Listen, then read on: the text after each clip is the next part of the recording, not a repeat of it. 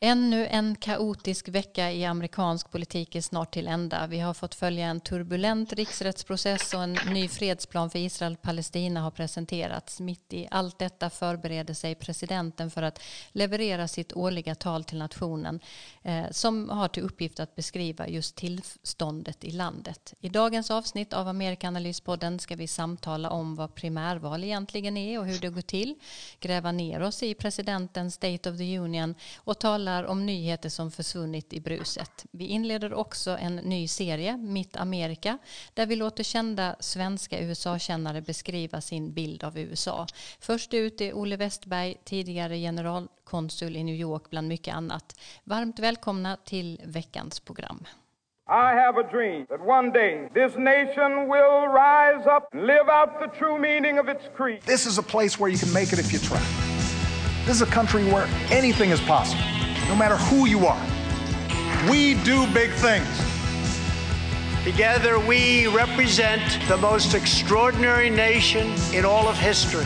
What will we do with this moment? How will we be remembered?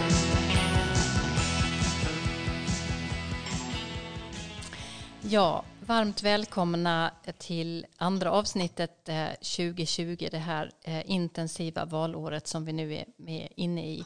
Eh, med mig som vanligt har jag Dag Blank och Karin Henriksson. Hej på er! Hallå, hallå!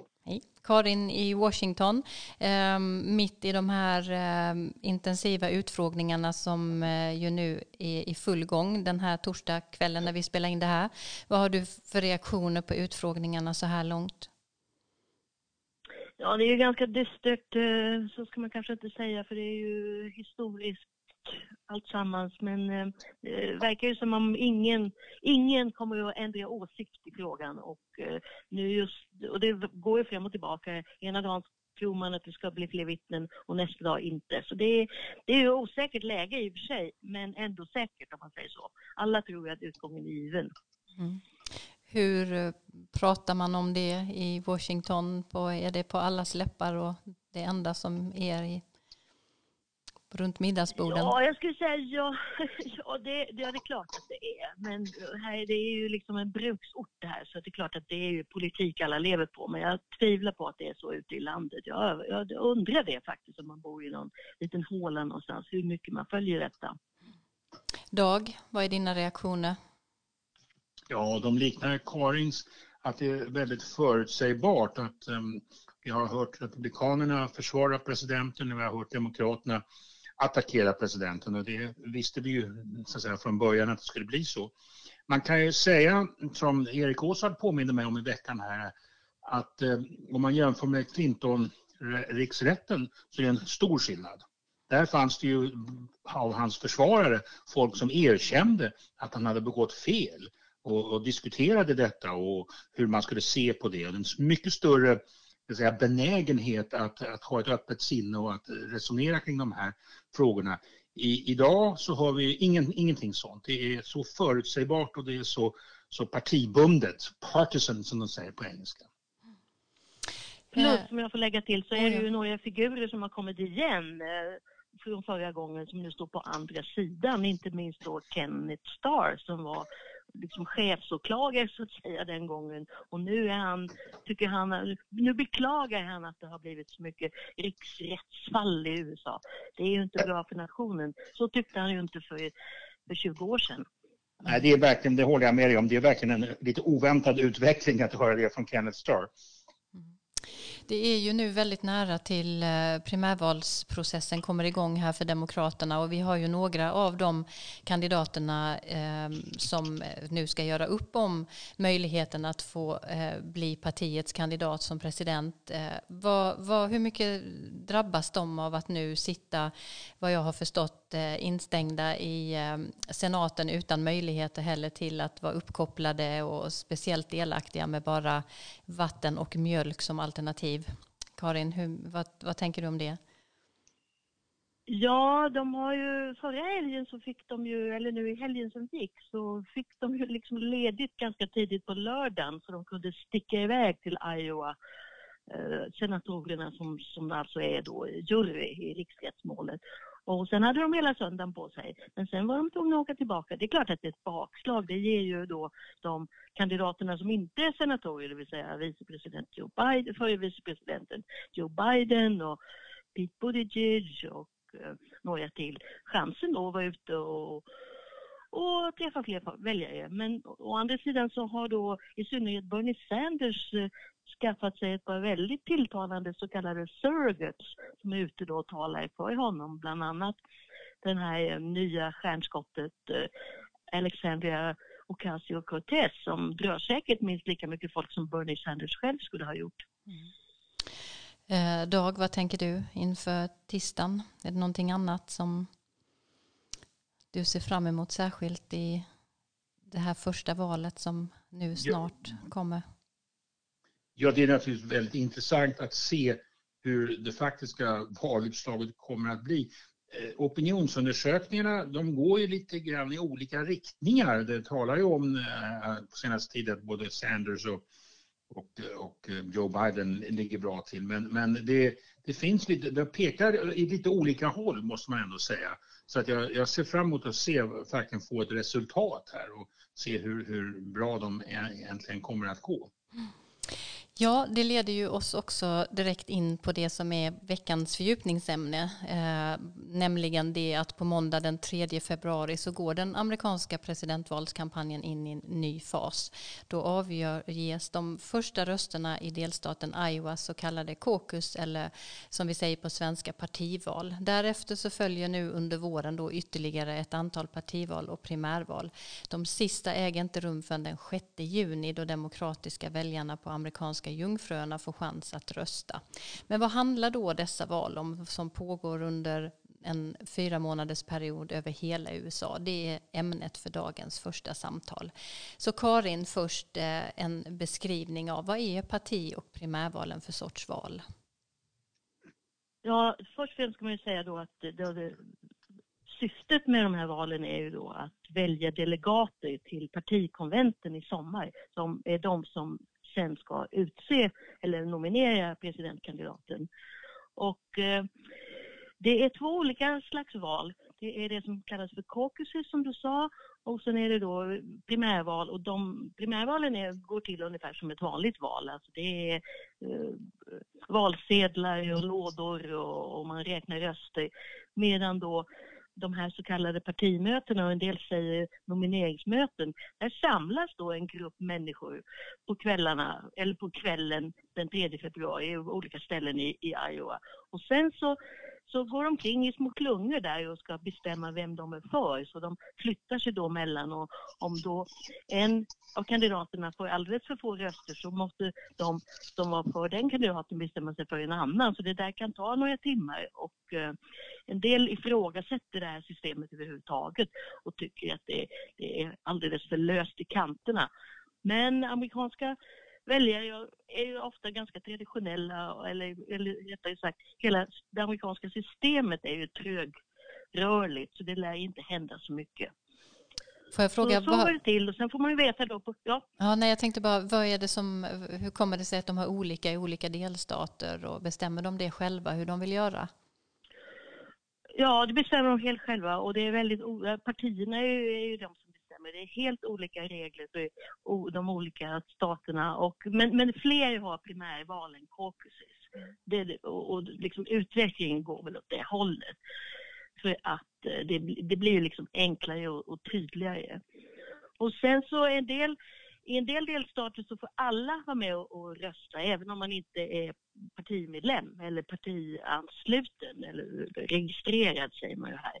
Och i en del delstater så, så är, det, är, det, är de här primärvalen slutna. Att endast de som har registrerat sig för det ena eller det andra partiet kan vara med. Och sen så finns det regler för hur många röster man måste få för att för att liksom räknas överhuvudtaget. Det taket, eller golvet ska man kanske säga, är 15 procent för Demokraterna i de flesta delstater. Så de som inte når upp till 15 procent totalt sett, de blir då utslagna i den i den delstaten. Och det intressanta förra gången var att eh, många republikanska primärval var vinnaren, all, alla rösterna går till vinnaren. alltså alla delegaterna så ska jag säga, alla delegaterna från den delstaten gick tillfall vinnaren och det var då Donald Trump. Det var ett starkt skäl till att han drog ifrån så tidigt under primärvalssäsongen. Och att han kunde göra det med faktiskt bara en eh, 20, runt 20 procent av väljarna för att ingen annan fick eh, lika mycket eller hög procent, eller hur? Ja, det gick väldigt fort. Men mm. sen så totalt sett så fick han sen fler röster än någon annan republikan någonsin hade fått i, i primärvalen. Men det, det är klart, det hänger ihop med folkökningen och så också. Mm. Och det spelar ju roll i det här sammanhanget att när de, inte är, när de är väldigt många kandidater. Ja precis, det blir, men alltså, eh, Demokraterna har proportionella val så det, det, det, betyder då att det blir mycket mer utdraget där. Och det gällde i högsta grad 2008 i kampen mellan Hillary Clinton och Barack Obama. Det tog ju hela våren. Men den här gången så kommer det bli, gå fortare därför att det är fler delstater som har enats om vissa datum. Så under mars månad så har nästan hälften av alla delstaterna eh, sagt sitt. Så det är och sen blir det flera månader kvar till, till partikonventet. Just det. Hur vet man eh, vem som vinner Ja, det röst, räknas ju röster då på kvällen så det får vi ju veta. Mm.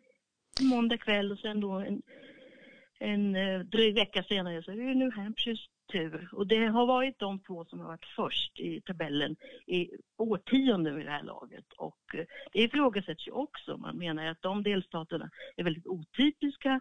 Det är liten folkmängd, de är väldigt homogena och näringslivet är inte särskilt representativt heller. Men de kommer att hålla sig kvar med näbbar och klor. Mm. Det är väldigt, och de säger också att vi, vi här i Iowa och New Hampshire, vi tar det här på stort allvar. Vi har varit med om förr.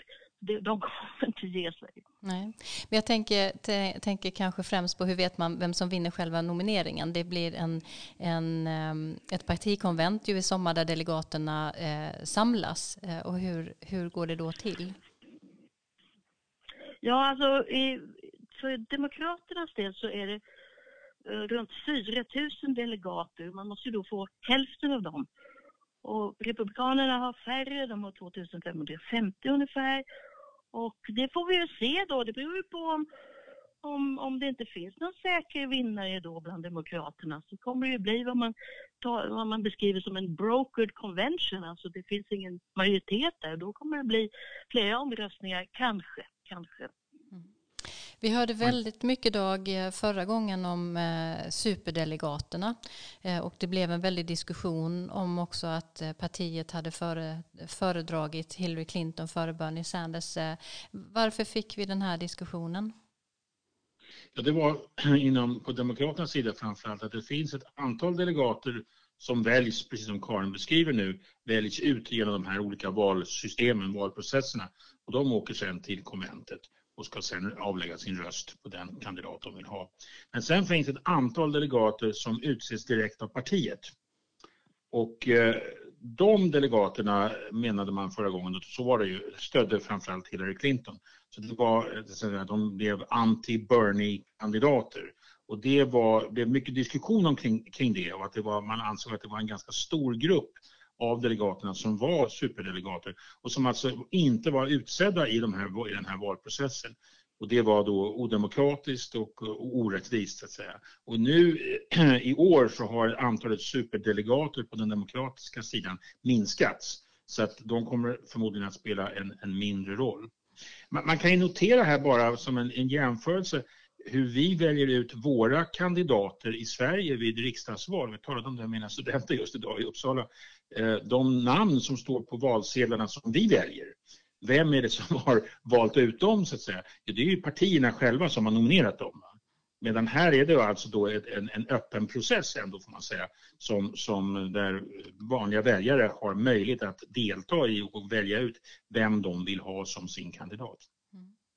Eh, finns det någonting i den amerikanska konstitutionen som reglerar parti och primärvalen?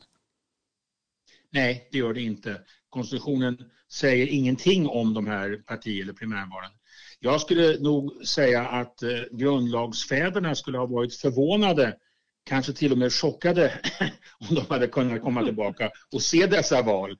De, eh, det är nämligen så att grundlagsfäderna de förutsåg inte uppkomsten av ett partiväsende och, och det partisplittring eh, som vi, av detta kan leda till, som vi inte minst ser idag. Och utan ett partiväsende så behövs ju inga speciella val för att utse kandidater. Och det var därför man så att säga införde elektorskollegiet för presidentvalet. Det skulle ligga på elektorskollegiet där respekterade och självständiga män som det då var, skulle göra goda och välinformerade val så att säga. Det var personer som Eh, inte minst Jeffersons ideal var ju att det skulle vara oberoende jordbrukare, oberoende farmare, personer som inte hade någon bindning eller stod i beroendeförhållande till någon annan. Det är de personerna som kan göra de goda valen, så att säga, de välinformerade valen. Och det är ett helt annat tänkesätt än vi har idag. Sen kom det väldigt snart, så uppstod ett partiväsende i USA redan på efter Washington, när Washington hade lämnat presidentämbetet så kom ju då partiväsendet fram. Och det, så det, det är någonting, det har funnits länge, men det var någonting som inte konstitutionen förutsåg. Så, så varför uppstod de då, parti och primärvalen? Ja, parti och primärvalen uppstod som en sorts reaktion kan man säga på toppstyrda valprocesser. Länge var det så att det var som i Sverige, just partierna som valde ut kandidaterna. Man brukar tala om att partibossarna samlades i det som ofta beskrevs som rökfyllda rum där man manglade fram vem som skulle bli kandidat. Man satt och rökte sina cigarrer och kanske drack en, tog en drink till och med. Och så diskuterade man vem av kandidaterna Eh, som fanns som skulle gå, gå bäst. Det, det där rökfyllda rum sägs gå tillbaka till Republikanernas konvent 1920 i Chicago där man efter flera omröstningar inte kunde få majoritet för någon kandidat bland delegaterna. Och då drog sig partiledarna tillbaka och rökte cigarrer och sen så kom man fram till ett ganska oväntat namn, Warren Harding. Så det var en ganska liten möjlighet för partimedlemmarna eller parti, de registrerade partimedlemmarna som Karin talade om att delta. Och det ledde, krav till, det ledde till krav på förändringar.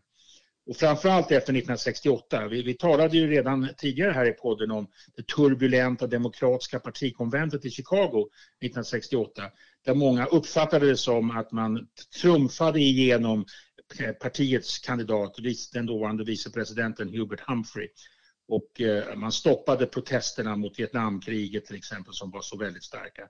Och det ledde till att Demokraternas urvalsregler ändrades ordentligt 1972 och man började då eh, införa många mera primärval. Och det gynnade då George McGovern som tog hem eh, nomineringen 1972 men sen förlorade presidentvalet. Mm. Och man kan säga att idag tror jag är, är, är, det alla delstater har det här systemet med, med en valprocess. Men det är någonting som är relativt um, nyligt, som infördes, har införts under de senaste halvseklet ungefär kan man säga. Som just en reaktion på, på den här toppstyrningen eller bossarnas diskussioner i de rökfyllda rummen. Mm, intressant. Eh, vi pratade lite om skillnaderna i valprocedurerna i de olika delstaterna. Har du någonting mer att säga om det? Ja, alltså det, det fanns ja. redan det fanns redan, får jag bara säga, eh, primärval redan på 1900-talets första årtionden under den så kallade progressiva eran då frågor om direktdemokrati blev väldigt viktiga när man införde direktval till exempel till senaten i vissa delstater. År 1920 så fanns det primärval i 20 delstater men sen gick det ner och 1968 då vid den här vändpunkten var det nere i 12 stycken bara. Men idag är det då alla. Mm. Karin? Ja, alla, alla har primärval eller caucuses, så är det. Ja, Men är det. Eh, det förs ju en diskussion, alltså i, i, princip är det ju som, som Dag säger, det är ju en, egentligen demokratiskt. Alltså att, att uh, väljarna får tillfälle och, och även det kan underlätta för någon att komma utifrån, som till exempel Donald Trump, dyka upp som ny kandidat.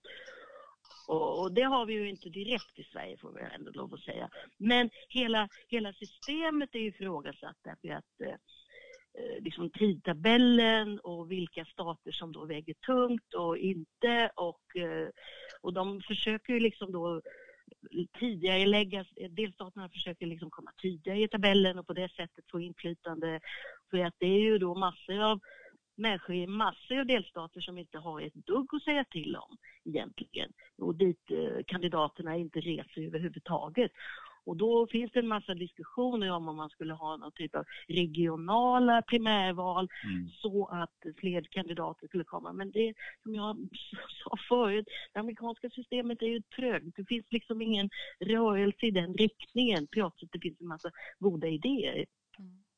Jag tror, att det, jag tror att det finns också lagar. Jag tror att det finns en lag i Iowa som säger att Iowa ska alltid vara först. Jag tror att det var förra valet så, så flyttade man och flyttade och flyttade bakåt så, så man till och med var inne i december nästan i ett läge för att mm, verkligen se till att man, mm. man skulle ligga först. Mm. Vi pratar ju faktiskt också väldigt mycket eh, här i Sverige när vi bevakar eh, den här processen om Iowa och New Hampshire. Eh, varför är de så speciellt välkända eller betydelsefulla, Dag? Ja, det är så precis som Karin säger att de är så tidiga. Va? Nu, från, från 70-talet är det så att Iowa alltid börjar och sen kommer då New Hampshire. Och det ger dem ju en, ett stort inflytande eftersom kandidater som till exempel gör dåligt ifrån sig där Eh, då kan till och med kan slås ut eller får en mycket försämrad ställning. Och det som Karin sa, det är, det, det är små delstater och det är ganska få delegater egentligen som väljs ut där. Och delstaterna är inte speciellt representativa. Men, men, men de, de kommer fortfarande att vara kvar och precis som Karin sa, de, de säger det, vi tar det här på stort allvar. Vi, vi, vi tittar på kandidaterna. Och det faktum att de är små delstater också gör att väljarna där nästan förväntar sig att möta kandidaterna. Det är ju en fantastisk möjlighet att träffa kandidater eh, som man inte kan ha i de stora delstaterna med stor befolkningsmängd. I Iowa, jag del av året så jobbar jag nära Iowa, bara tvärs över floden från Iowa och har varit med i de här, en del av de här valmötena och, och, och sett hur, hur, väldigt nära man kommer. Och det är en väldig styrka att kunna se kandidaterna och prata med dem på det sättet. Hur har det då gått för vinnarna i Iowa och New Hampshire? Kan man säga någonting generellt om det? Ja, ja det kan man. Karin, varsågod. Ja, jag, ska inte bara, jag ska bara säga en sak, eh, nämligen att Bill Clinton var den sista demokratiska presidenten som eh, fick nomineringen och sen också vann valet som eh, inte hade vunnit varken Iowa eller New Hampshire. Mm. Så det gäller att man, man, man ska... Tittar man på Demokraterna så är Iowa ganska god för, ger goda fingervisor. Hillary Clinton vann mycket knappt 2016 Iowa, men hon vann. Barack Obama vann det klart 2008. John Kerry Al Gore vann det klart 2004 och 2000. Bland republikanerna är det lite sämre prognoskraft ändå. 2016 så var det Cruz som vann, Ted Cruz, inte Trump. Och 2012, Romneys år, så var det Rick Santorum, senatorn från eh, Pennsylvania, som vann knappt före Romney. Och 2008, McCain, då McCain till slut tog hem nomineringen, eh, mot Obama då, så var det faktiskt Mike Huckabee som vann i Iowa. Eh, Sarah Huckabees far, den före detta pressekreteraren, eh, Trumps före detta pressekreterare. Mm. Så då... Ja, och sen om man ska gå tillbaka ännu längre så finns det ju då exemplet med George H.W. Bush som vann Iowa och då talade om the big mo för sitt momentum. Men det höll inte i sig så länge för sen kom ju Ronald Reagan. Ja, just det. Man kan, för, från Iowa bör man också nämna eh, att, att, att, om man slår igenom i Iowa och får sån här big mo momentum så är det bästa exemplet där i Jimmy Carter 1976. Då hade Iowa ändrat reglerna eh, på sitt eh, caucus och man hade flyttat fram datumet från maj till den 24 januari så man kom då först av alla valen. Och då insåg den då mycket okände Carter eh, och framförallt hans kampanjchef Gary Hart, senare senator från Colorado och själv presidentkandidat, de insåg den här möjligheten och de kampanjade intensivt och länge i Iowa medan andra kandidater ägnade sig mest åt New Hampshire som de var vana vid låg först i, i, i spåret. Och den här Iowa-strategin gav resultat eh, Carter vann klart och blev plötsligt en, en oväntad frontrunner och fick ett momentum. Och, och det är därifrån, så att säga, från det valet som Iowa ställning eh, är så stark. Alla kommer dit. Och, när jag var på ett valmöte i höstas nu med Kamala Harris som ju har hoppat av eh, så sa hon att ja, hon var villig att bosätta sig i Iowa för att kunna förbättra sina resultat. Lite grann som Carter, han, han var där oerhört mycket alltså. Och, och för honom funkade det, men för Kamala gjorde det inte. Eh, vi... Nej, bara en, en, en liten kort uh, flika in bara att uh, det, det, nej, men det, är, det är ju verkligen som, som Dag säger, det, det, att det, det gäller att vara där liksom hela tiden. Men en som inte lyckades var ju Howard Dean till exempel, så det finns ju finns ja. många öden att beskriva.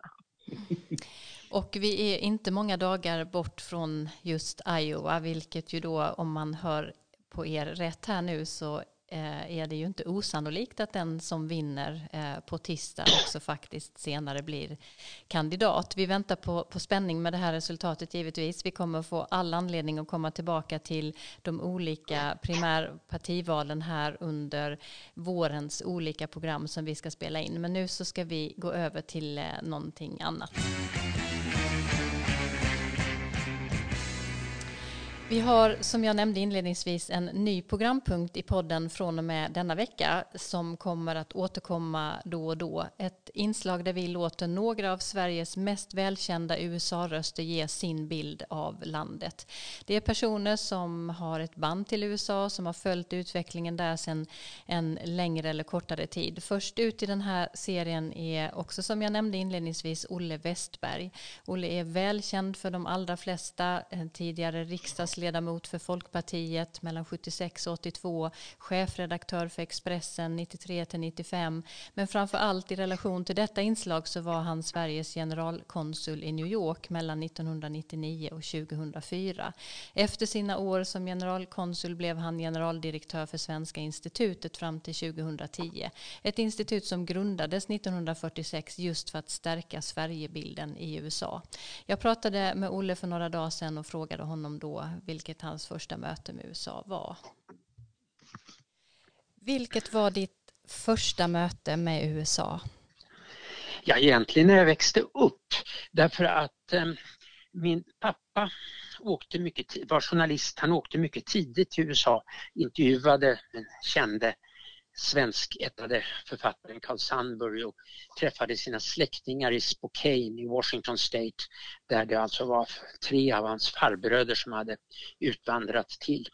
Och sen eh, ledde hans resa också till att han startade ett mikrofilmföretag där man eh, kopierade svenska kyrkböcker till mormonerna som ju eh, släktforskar. Det gjorde att vi ständigt hade amerikaner från Salt Lake City hemma och en del amerikanska journalister och annat. Men mitt eget genombrott i USA-kontakterna det var på min 70 17-årsdag när jag fyllde 17 då dåvarande ordförande i elevorganisationen Seko, Staffan Torssell, som senare i livet var korrespondent i många år åt Expressen i New York. Han gav mig en bok som heter The Making of the President av Ted White som var en journalistisk genombrottsbok och som alltså skildrade Nixon Kennedy. Och det tände mig väldigt på amerikansk politik. Och sedan dess har jag ständigt läst böcker om amerikanska politiker.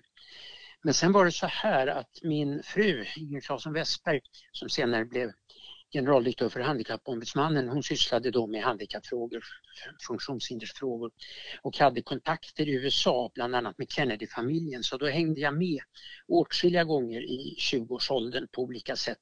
Också sen när jag jobbade på Studieförbundet Näringsliv och Samhälle, SNS, sändes jag över. Så att så var det ungefär och eh, det skapade ett starkt intresse Sen är det ju också så att ehm, eh, jag har varje år de senaste 30 åren varit i USA i november under valkampanjerna. Och redan 1990 gick jag med i någonting som hette Democratic Leadership Council som Bill Clinton hade startat. Som var en organisation för de demokrater som var i mitten kan man säga. Och eh, de tog emot eh, utländska icke-medborgare som hade eller hade haft valda uppdrag, vilket jag ju hade som suttit i riksdagen. Och det här gör att jag, jag fick ju lov att lämna det när jag blev generalkonsul i New York. Då får man inte vara med i ett särskilt parti. Men eh, däremot gör det att jag fortfarande är med i Demokraternas eh, utskickslistor med min mejladress så att jag får nu mellan 50 och 100 tiggarmejl eh, varje dygn från demokratiska kandidater, framförallt från Bernie Sanders. Eh, så det är ju en sorts intressant eh, innehåll. Med den Men, långa eh, erfarenheten av USA, hur skulle du vilja beskriva det amerikanska samhället? Vad är kännetecknande? Ja, kännetecknande är ju dels att det är väldigt öppet. Jag är ju mest i New York även om jag det är lite här och var annars också men eh, just New York och Boston och eh, San Francisco Los Angeles är ju väldigt öppna. De är öppna både för tillfälligt besökande och lätt, det är lätt att boka tid hos folk som man vill träffa och sånt. Och dessutom så är de ju då eh, tolerant öppna på olika sätt. Så det är väldigt utmärkande för USA. Alltså nu snackar ju nästan alla om Trump och hans dominans och inskränkthet men eh, USA är betydligt större än Trump. De, han styr liksom inte människors vardag. Sen tycker jag också att det som är utmärkande framförallt för New York, det är en väldig energi, en hög takt på något sätt av allting. Och det är också väldigt positivt. Mm. Har din bild genom alla år som du har haft kontakt, nära kontakt med USA, har det förändrats, mm. landet som du ser det? Egentligen inte landet och det har ju just att göra med det här att det inte är Vita huset som styr människors vardag. dels är det ju så att i Sverige så är den offentliga sektorn närmare 50 procent.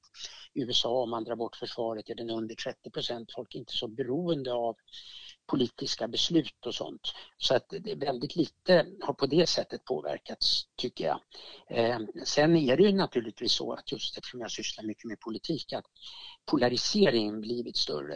Eh, det är ju inför stora helger så har nästan alltid amerikanska tidningar råd hur man ska göra när man träffar släktingar som har röstat på Trump och sånt där. Det vill säga att det är en större, det är större motsättningar. Eh, men när jag är i USA, vilket jag brukar vara tre veckor varje halvår, så och är man ju ofta hemma hos bekanta och, och träffar folk och de pratar nu mera politik och, äh, än de gjorde förut och det mest var kultur och lite journalistik och allt möjligt sånt. Men nu är det mera politik och det är väl någonting som har förändrats. Mm. Vad tänker du om framtiden för USA? Ja, eh, allmänt sett så är den ju positiv, alltså att man har eh, ju varit bra på innovationer på, när det gäller, sociala, ja, eller digitalisering av olika slag. Men eh, Sen finns det ju en betydande risk för en ekonomisk smäll igen av 2008 års typ. Eh, ingen visste ju den 14 september 2008 att dagen efter så skulle en amerikansk bank gå i konkurs och det skulle utlösa en världsomfattande finansiell kris och vi vet inte vad som händer nu också men när det händer så står USA inför ett större stup än förut. Eh, därför att nu under Trump så har man ju då skapat de största budgetunderskotten någonsin och den största statsskulden någonsin i USAs historia och det gör att när det smäller då blir det värre än det blivit förut. Det är den stora risken. I övrigt så det är ju också där kanske en del handlar om Trump men eh, annars tror jag inte att det är så väldigt stor skillnad mot idag. Eh, de är ju lite hårdare på grund av Trump när det gäller invandring. Eh, framförallt då från eh, Mexiko och Sydamerika. Men eh, eh, det skulle jag tro att nästa regim lättar upp på lite grann och i städer som i eh, New York så är det rätt hyggligt med mottagandet. Får jag passa på att fråga dig, du, du har träffat många intressanta människor i USA, flera presidenter också vet jag. Har du något särskilt minne du kan dela med dig av eller något möte som har satt sig lite extra i, i, eh, i dig? Ja, jag har alltså träffat eh, flesta av dem inte när de längre var presidenter men Gerald Ford och Jimmy Carter, George Bush och Bill Clinton och Obama. Men jag träffade också Trump 1900, eller 2002 på en fest hos en annan stor fastighetsägare i New York. Och eftersom jag var generalkonsul då så hade jag ju en svensk flagga på kavajuppslaget och då kommer han fram och dunkar mig i ryggen och säger att I have Swedish roots. Och det är alltså en ren lögn. Utan grejen var ju att hans farfar och pappa kom från Kallstadt i Rheinland-Pfalz och så började de bygga billiga bostäder för nyanlända men så kom strömmen av tyska judar som inte ville ha en tysk hyresvärd och då säger Trumps pappa, nej nej nej, jag är inte tysk, jag är svensk från Karlstad. Och det där var ju då en lögn och det vet Trump att han inte har en enda svensk anknytning. Och ändå säger han det där och det säger ju något om honom, nämligen att varje möte är ett säljtillfälle, hur oväsentligt egentligen mötet än är. Och då säger man det som är trevligt. Sant eller inte gör detsamma. Tack så hemskt mycket Olle Westberg.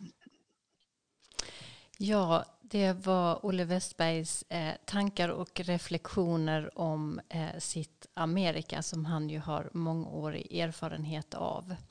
Ett väldigt tvärt kast nu då från en mångårig diplomat eh, och person med många kontakter i USA till Donald Trump och vårt återkommande inslag Veckans Trump där Karin Henriksson spanar för poddens räkning vad Trump har sagt eller gjort den senaste tiden som har varit lite extra uppseendeväckande.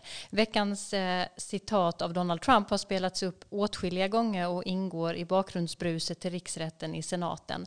Eh, här berättar affärsmannen Lev Parnas som är född i Ukraina att ambassadören Marie eh, Javonovic går, eh, går runt och baktalar Trump. Vi lyssnar på det här. And that's why you're having such.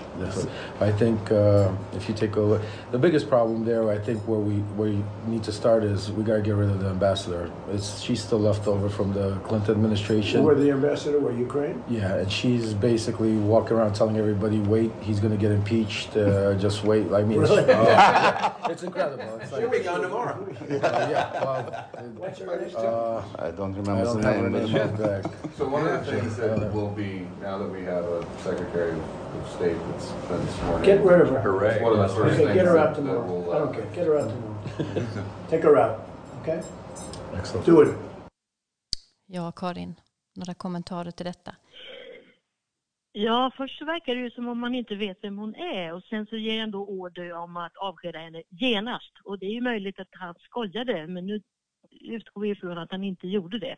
Men också varför i den här kretsen? Va? Och det de med det att göra kan man ju också undra. Men eh, ett par anmärkningar i övrigt är att det här var ju en hemlig bandinspelning som är nästan en och en halv timme lång. Och den eh, gjordes i april 2018 på, på en middag. Och det är då en, en rätt stor grupp, huvudsakligen män, som, som pratar och skrattar och, och de tar upp alla möjliga ämnen som betong till muren, Ryssland, olja, Obama som aldrig fick något uträttat och EU som enligt eh, Trump skapades för att screw the United States. Sen var det då den goda ekonomin, återvalschanser och Trump som spekulerade i att han kanske inte skulle ha vunnit om eh, Hillary Clinton hade valt Bernie Sanders till sin vicepresidentkandidat.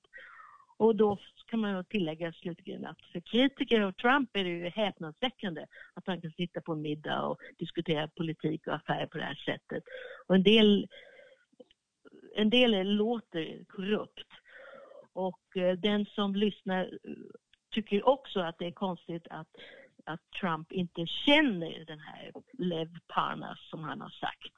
Så det, det, det väckte många frågor det här mötet. Men sen har jag ju sagt många andra saker den här veckan också med anledning av fredsplanen och så. Så att eh, det kommer bli fler citat framöver. Det är bra det. Och vill man lyssna på hela detta så kanske vi faktiskt kan lägga ut det på eh, vår blogg amerikaanalys.se där man också ju hittar det här programmet och eh, andra inslag från eh, oss här och också inte minst då Erik Åsad som inte är med i programmet idag men annars är en del av den här podden. Tack så hemskt mycket för det Karin, eh, veckans Trump alltså.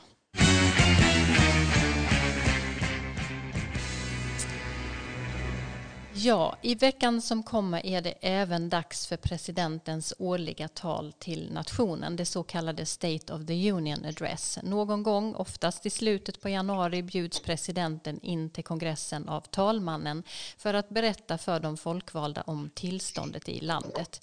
Det står angivet i konstitutionen att presidenten regelbundet ska informera om hur nationen mår. Tidigare i historien brukade detta ske brevledes, men 1930 19 började dåvarande president Woodrow Wilson besöka Kapitolium för att muntligt delge sin text till en samlad kongress. Sedan dess har de allra flesta årliga beskrivningar om just nationens tillstånd skett muntligt, men det har funnits undantag. I takt med att radio och tv-medierna har utvecklats eh, och har det blivit en arena också där presidenten talar till hela nationen och som idag får mycket stor uppmärksamhet. Eh, I talet beskriver presidenten som sagt hur landet mår men också vad han ämnar göra under kommande år.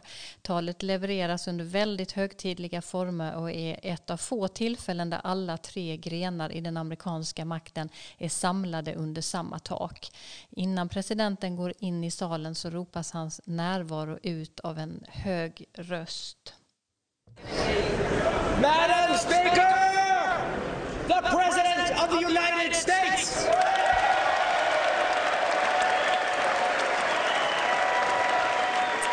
Ja, och presidenten kommer in och hälsar på dem som sitter närmast i den gång där han går eh, fram till talmannen och vicepresidenten som är bänkade bakom och där överräcker han sitt tal i ett kuvert till dem båda. Sen vänder han sig mot de många åhörarna då och håller sitt tal. Precis som i tv-serien Designated Survivor som kanske några av er har sett så finns det någon person från presidentens kabinett som inte närvarar i händelse av att någonting skulle kunna hända. Ja, kan du säga någonting Karin om vad som är typiskt för de här talen? Ja, typiskt nu för tiden är ju att de är ganska långa, till och med över en timme, till och med bortåt en och en halv timme. Och eh, i efterhand så beskrivs de ofta som med begreppet laundry list, att det liksom in typ eh, lapp som man, när man ska ut och handla, att man ska eh, allt som presidenten vill göra och det är då målsättningar i både stort och smått. Men eh, det är inte alltid som de eh, uppfylls eller anses realistiska ens en gång. Sen är det väldigt vanligt att eh, respektive partiblock mycket tydligt visar vad de tycker. Så att eh, är det då en demokratisk president så blir det inga applåder från Republikanerna och tvärtom. Och sen nu med, det var en, en, tradition som Ronald Reagan införde, det var att man också bjuder in några representanter ur allmänheten som på ett eller annat sätt har gjort sig bemärkta under åren. Som en, en symbol också en symbolfråga från presidentens sida att på det sättet då kunna lyfta fram sina prioriteringar. Eh, det är ju som du säger, man ser ju väldigt tydligt hur de respektive partimedlemmarna reagerar på det som sägs i talet. Men det finns ju ändå en viss respektfullhet för den här, det här talet. Men det hände ju någonting ganska ovanligt när Obama höll eh, sitt State of the Union något av åren när någon eh, ropade högt från eh, republikanskt håll att han, att han ljög, eller hur? Ja, det var ju, det handlade ju om den här eh, Högsta domstolsutslaget om ehm, att eh, företag ska betraktas som personer, individer, alltså kan de skänka pengar till politiska kampanjer. Och eh, Obama gjorde det mycket ovanligt att han faktiskt nämnde detta och då nästan som en känga till Högsta domstolen. Och det, dess ledamöter sitter ju ofta med, inte alla men minst, minst hälften av dem. Och det var då som den här republikanske kongressledamoten ropade July. Mm, vilket är väldigt ovanligt eh, att någonting sånt händer. Um, har du någonting som du tycker är signifikant för de här talen, Dag? Ja, de varierar ju i sin, i sin uh, retorik så att säga. Men det finns ju några väldigt berömda tal jag tycker om eh, Abraham Lincoln som var en retoriker av Guds nåde. Många, många av hans tal är fantastiska. Hans tal 1862 är ett sånt som har blivit väldigt berömt. Det eh, gav han mm, eh, eller det meddelandet skickade han just när han hade undertecknat, han hade just undertecknat the Emancipation Proclamation som skulle frige en hel del av slavarna under inbördeskriget alltså. Och eh, texten till, till detta tal, eller texten till detta eh, annual message som det kallas för, har, ingår i en mycket berömd musikstycke av Aaron Copland som skrevs på 1940-talet, eh, Lincoln Portrait. Vi kan väl lyssna lite till det. Vi har en bit av det. The dogmas of the quiet past are inadequate to the stormy present. The occasion is piled high with difficulty, and we must rise with the occasion. As our case is new, so we must think anew and act anew. We must disenthrall ourselves, and then we shall save our country. Sen finns det andra berömda State of the Unions. Lyndon Johnson 1964 använde det för att deklarera sitt krig mot fattigdomen, the war on poverty, som blev en väldigt viktig inrikespolitisk agenda för honom. Och man kan också nämna ett lite oväntat meddelande från president Gerald Ford 1975. De flesta presidenterna talar ju ändå om hur bra det går i landet. Man vill gärna betona allt annat än väl. Men 1975 sa faktiskt president Ford så här.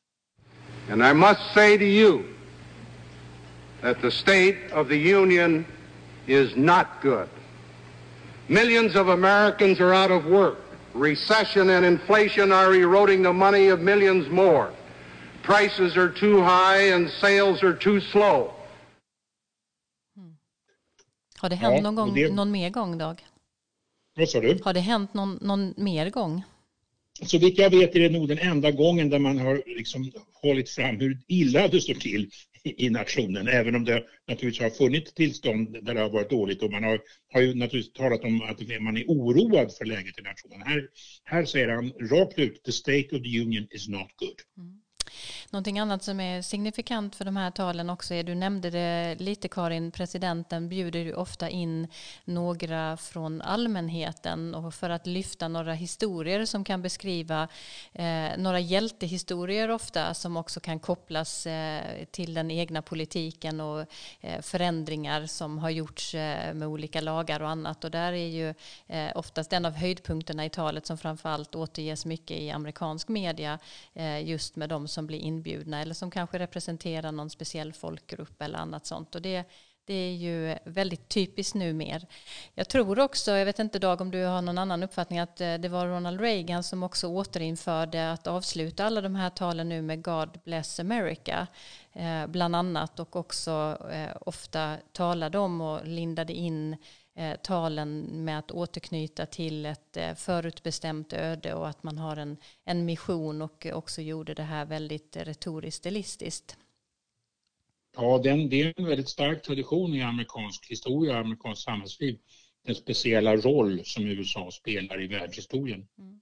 Och som eh, Ronald Reagan verkligen eh, gjorde en stor sak av och som Obama kanske är en av de presidenter som har burit allra mest eftersom han också är en väldigt skicklig retoriker. Det finns flera tal, State of the Union från honom där han de sista minuterna verkligen påtagligt eh, använder den amerikanska berättelsen för, eh, på ett väldigt effektfullt sätt. Eh, det är en skröna har jag eh, läst mig till under det gångna året researcharbete som jag har hållit på med till lite olika projekt att presidenten inte får besöka kongressen utan en informell inbjudan från talmannen. Eh, men när det gäller dåliga talet till nationen så är det en sed att inbjudan går ut och en resolution måste antas i båda kamrarna för fastställande av datum och den här inbjudan. I år blev ju den här processen lite speciell. Karin, kan du säga någonting om det? Ja, det berodde ju på riksrättsprocessen och huruvida talmannen skulle sätta, bestämma sig för att formellt överlämna de här åtalspunkterna till senaten och eh, huruvida det skulle då krocka med eh, State of the Union-talet för Donald Trump. Och eh, det var lite spekulationer fram och tillbaka men, men så skickade hon ju ut sin inbjudan till den 4 februari och nu får vi ju se då om, det, om riksrätten är avgjord då. Och, ehm, och en parallell är då Bill Clinton som höll sitt, sitt State of the Union-tal 1999 när det här pågick. Men han, han ångade på och lät sig inte bekomma så att eh, om det inte är eh, slut då i nästa vecka så kommer Trump att kunna titta på, kanske på Bill Clinton se hur han skötte sig. Mm. Och se om han tar intryck av det. Väldigt kort bara båda två. Vad väntar ni er av talet på, på onsdag eller natten mellan tisdag och onsdag? Dag? Ja, jag tror han kommer gå ut hårt och försvara sig, inte minst på grund av, som Karin säger, att en pågående riksrättsprocess som svämmar runt här. Så det, jag tror att det kommer bli, det är ju Donald Trumps stil. Mm. Är det också upptakten till den här förväntade tuffa valkampanjen som nu kommer att starta, Karin? Ja, det får vi utgå från. Man kan ju också tänka sig att han kommer att peka på då den goda ekonomin och allt man har åstadkommit och eh, ja, kanske ta upp det här med det han säger på Twitter om att, eh, att riksrätten är en bluff och en häxjakt. Så vi får se, det blir spännande. Mm. Vi ser fram emot så många olika saker eh, den kommande veckan och bland annat är det då det här årliga talet till nationen som ska levereras från president Trump. Eh, vi ska snart avrunda eh, det här programmet men först måste vi bena ut lite vad som har kommit bort i nyhetsflödet. Det är ju väldigt, väldigt mycket fokus på riksrätten just nu. Men ni brukar ha ögonen på sånt som är viktigt som händer där i bakgrunden. Dag, vad är det du har tänkt på som borde uppmärksammats lite mer kanske? Ja, jag skulle vilja uppmärksamma det faktum att eh, Jim Lehrer har gått bort. En legendarisk amerikansk journalist, tv-journalist knuten till PBS det icke-kommersiella tv-nätverket i USA där han jobbade sedan 1972. Och han jobbade länge med deras stora nyhetssändning på kvällarna som kom att heta The McNeil Lehrer uh, News Hour och sen The Jim Lehrer News Hour. Och nu heter det PBS News Hour. Det är ett tv-program, ett nyhetsprogram som är bland de bästa som finns skulle jag vilja säga, som präglas av djup och eftertänksamhet med långa inslag och det framför allt saknar den, den polarisering och den, den, nästan skrikhöga ton som finns i så många av nyhetsprogrammen på amerikansk tv idag där man bara vill göra eh, snabba och enkla poänger. Det är ett civiliserat samtal skulle man kunna säga. Och han har tyvärr lämnat oss och det tycker jag är väldigt tråkigt. Han var mycket inflytelserik och han var moderator i inte mindre än 12 presidentdebatter mellan 1988 och 2012. Visar också hur väl ansedd han var. Mm. Karin, det är någonting som också har berört dig och vad har du mer ja. sett som, eller vad har du mer noterat som inte har fått plats? Ja, bara ett kort tillägg till vad Dag säger och det är då, det har upprepats ända sedan budet om Jim Larrys bortgång kom, nämligen hans eh, replik “Jag är inte i underhållningsbranschen”. Och det är någonting som kanske många journalister borde ta till sig. Men det jag vill säga kort bara, det är att eh, det är frågan om det kommer bli ett nytt författningstillägg om jämställdhet för kvinnor. Mm. Eh, det, det, frågar man sig efter omröstningar i delstatsparlamentet i Virginia om den så kallade Equal Rights Amendment. För Virginia kan komma att bli den 38 delstaten som ratificerar detta ERA, som man säger. Eller med andra ord, de tre fjärdedelar av alla delstaterna som, som krävs för att ratificera ERA. Och um, det här är, ett, är, inte ett nytt förslag. Det lades fram första gången 1923 och kongressen antog det 1972 och nu hävdar då kritiker att nej, nej, nej, nej, det har gått alldeles för länge. Vi kan inte, vi måste börja om typ. Så det ska bli spännande också. Det känns som båda de här Eh, delarna som ni nämner finns anledning att komma tillbaka till och kanske lyfta som olika teman i podden eh, framöver. Men eh, idag avslutar vi med ett stort tack inte minst till er Karin och Dag. Tack också Johan Lindström för hjälp med ljudinslag. Nästa gång vi hörs kommer det att finnas mycket att samtala om som vanligt. Då har vi fått en pulsmätare på Demokraternas process och vaska fram en presidentkandidat. Vi vet förmodligen utfallet i riksrätten och vi vi har fått också presidentens syn på tillståndet för USA. Vi hörs igen den 13 februari. Ta hand om varandra tills dess. I have a dream that one day this nation will rise up and live out the true meaning of its creed. This is a place where you can make it if you try. This is a country where anything is possible, no matter who you are. We do big things. Together, we represent the most extraordinary nation in all of history. What will we do with this moment? How will we be remembered?